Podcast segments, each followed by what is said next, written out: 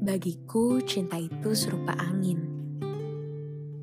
Bisa kita rasakan, tapi tidak pernah bisa kita lihat. Walau terkadang ia bisa begitu bodoh dan tidak masuk akal. Tapi coba tengok kasih seorang ibu pada anaknya.